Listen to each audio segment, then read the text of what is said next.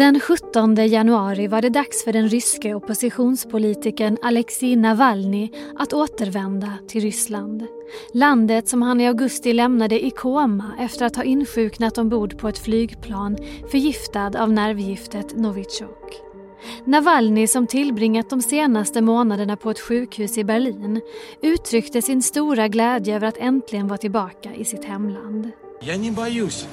Jag абсолютно с нормальным чувством иду на подгранконтроль, выйду и поеду домой, потому что я знаю, что я прав. Я знаю, что уголовные дела все против меня сфабрикованы. Det känns bra att gå igenom passkontrollen och jag kommer att åka hem eftersom jag vet att jag har rätt. Anklagelserna mot mig är fabricerade, sa han till journalister när han landade på flygplatsen. Minuter senare greps han av rysk polis. Nu protesterar tusentals människor på gatorna i över hundra städer till stöd för Navalny och skanderar hans namn.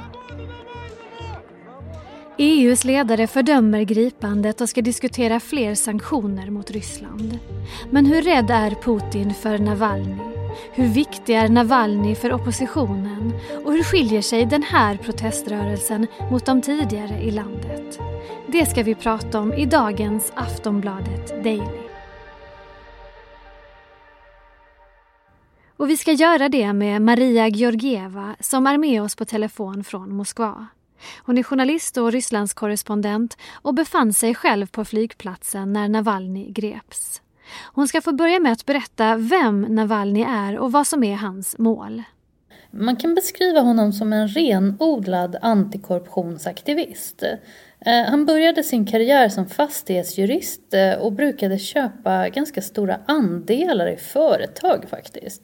Och sen så stämde han ägarna i syfte att granska eh, eliten som han då utredde och deras hemliga tillgångar.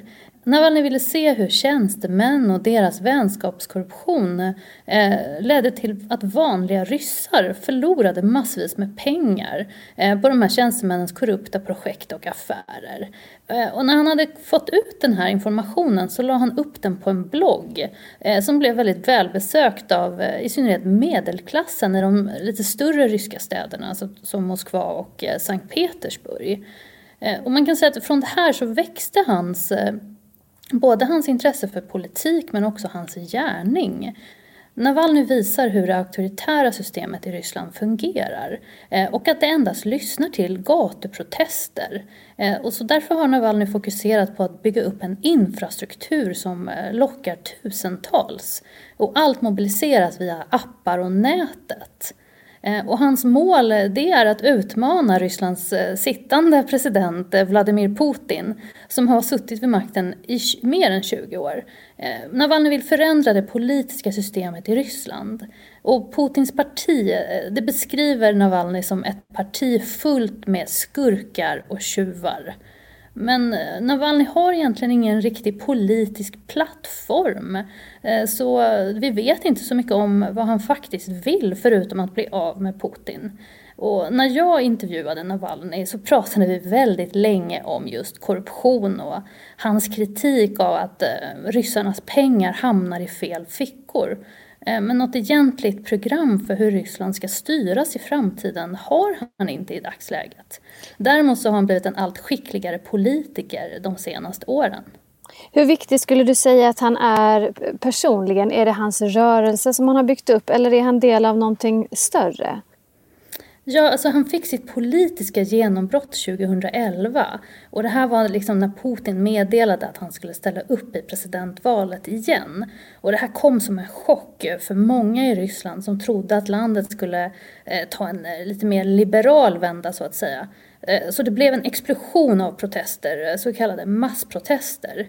Och det visade att Navalny fick med sig människor på gatorna mycket mer än någon annan inom den ryska oppositionen. Han använde sociala medier bloggar eh, och han är en superstjärna kan man kort och gott säga. Och den här rörelsen kring honom har växt de senaste åren. Så det vi ser här är alltså en slags liksom, ny fas som inte bara handlar om Navalny längre utan människor pratar om sina egna levnadsvillkor och sin egen ekonomi. De vill liksom se en, en ny början på någonting bättre. Och även Navalnys eget folk försöker säga att det är inte Navalny som är viktigast längre utan vi ser en ny massrörelse mot Putin som redan har inletts. Så vi kan ju liksom sammanfatta det med att säga att Navalny har lyckats göra sig själv till den viktigaste personen eh, inom rysk politik. Eh, och i synnerhet liksom när han kan få så pass många människor att komma ut på gatorna i de eh, nästan alltså, största regeringskritiska protesterna som har brakat loss i Ryssland på flera år. Och allt det här gjorde han liksom inifrån en cell i ett häkte. Mm.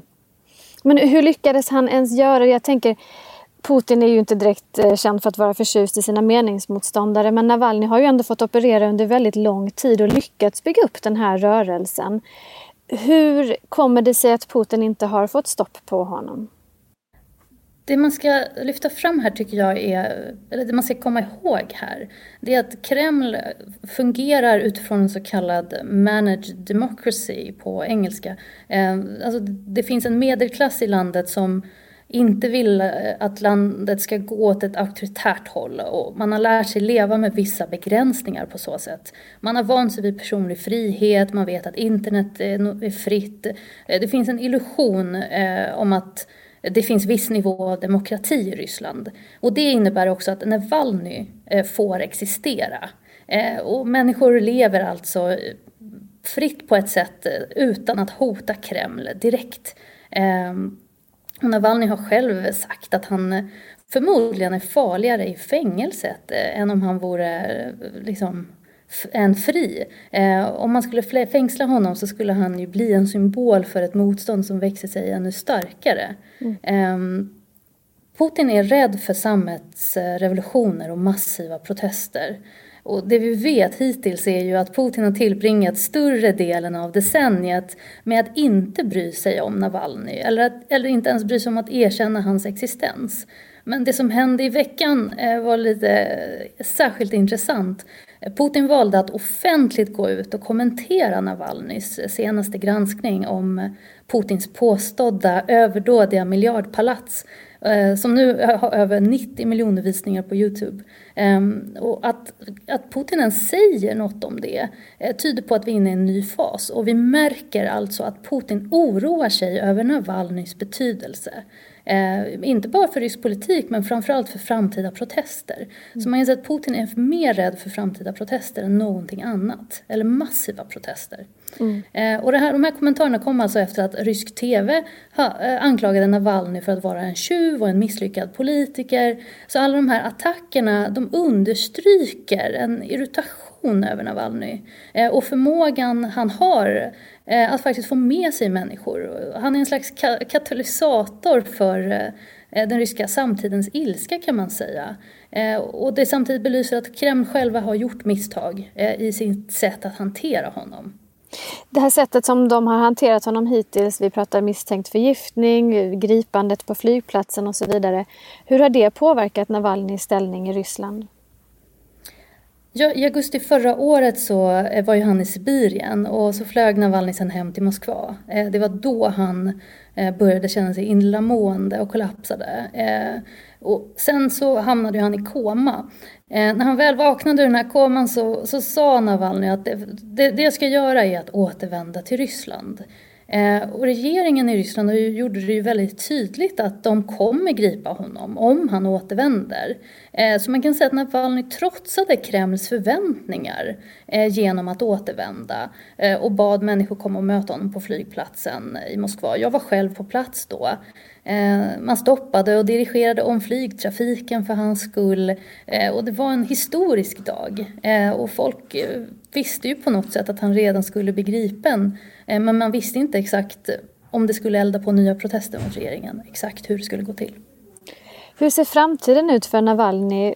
Vad, vad säger man om, om liksom hans status nu framöver? Det väntas ju nya protester redan nu i helgen.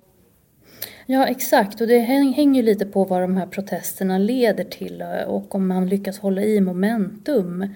Det vi vet redan nu är att man har flyttat fram domstolsförhandlingar som skulle ha hållits i februari. Eh, men de inleds alltså redan eh, den här veckan. Så man vill på något sätt från Eh, myndigheternas sida spida på den här processen. Eh, det är jättesvårt att säga om det handlar om att undvika fler protester eller inte men Navalny anklagas för flera brottmål alltså. Eh, bland annat för att ha brutit mot en villkorlig dom och att han inte tydligt har berättat vad han höll hus medan han låg på sjukhus i Berlin. Ehm, det vi ser här är ju att ryssarna har svarat på hans uppmaning och faktiskt gått ut på gatorna trots sin egen säkerhet eller liksom de riskerar att bli gripna.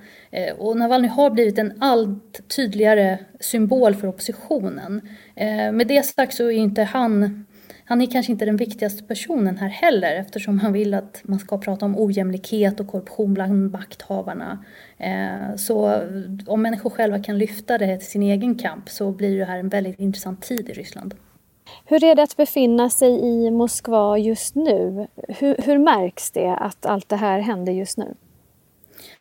Det mesta är ganska mycket som vanligt eh, här i Moskva. Eh, jag ser många i metron som kollar på Navalnys film om Putins palats däremot i mobilen. Eh, det tycker jag är lite intressant. Men i helgen var det ju otroligt mycket människor ute på stan. Nu har det ju lugnat ner sig och vi får ju se hur det blir nu på söndag ifall vi, eh, det kommer ut eh, tiotusentals på gatorna igen. Det, jag har ju aldrig sett något liknande som eh, nu i helgen.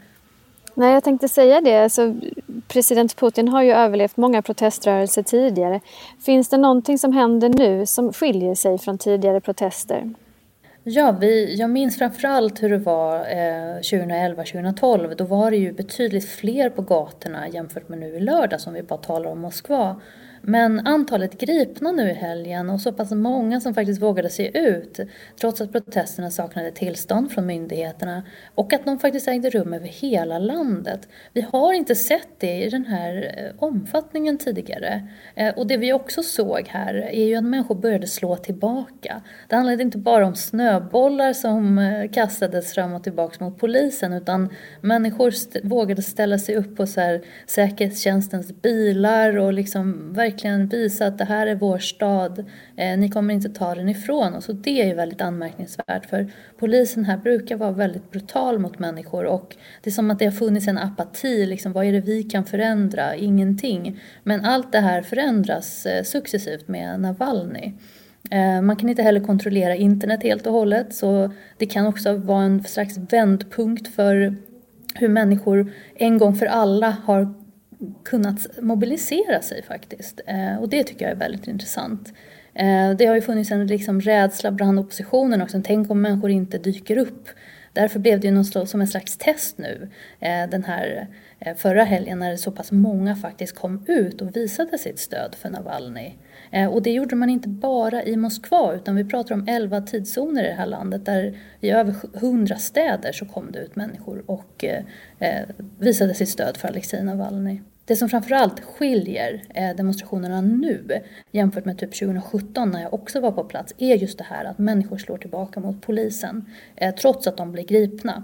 Jag var själv på Pushkintorget i Moskva där det var knökfullt med människor och eh, många skrek Putin är en tjuv. Eh, och polisen använde väldigt hårda tag mot demonstranterna. Eh, jag såg kamouflerade poliser i svarta hjälmar men jag såg också att människor tutade i sina bilar. Man samlades liksom eh, som en kedja runt en av paradgatorna och eh, applåderade. Eh, det var också någonting som jag aldrig har sett i Moskva förut, den här kontrasten mellan att man inte bara rensar bort folk och griper dem utan att folk faktiskt står kvar.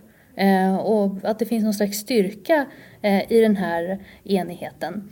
Ehm, och var, varför är det här viktigt då? Jo, eftersom myndigheterna inte längre kan strunta i Navalnys existens och det ryska folket har på något sätt med full kraft och styrka i alla fall börjat visa att de kräver andra politiska alternativ för sin framtid. Eh, trots att myndigheterna försöker skrämma dem från att inte delta i, i fler protester. Eh, man försöker visa att det ska vara meningslöst och att det är väldigt riskabelt att protestera.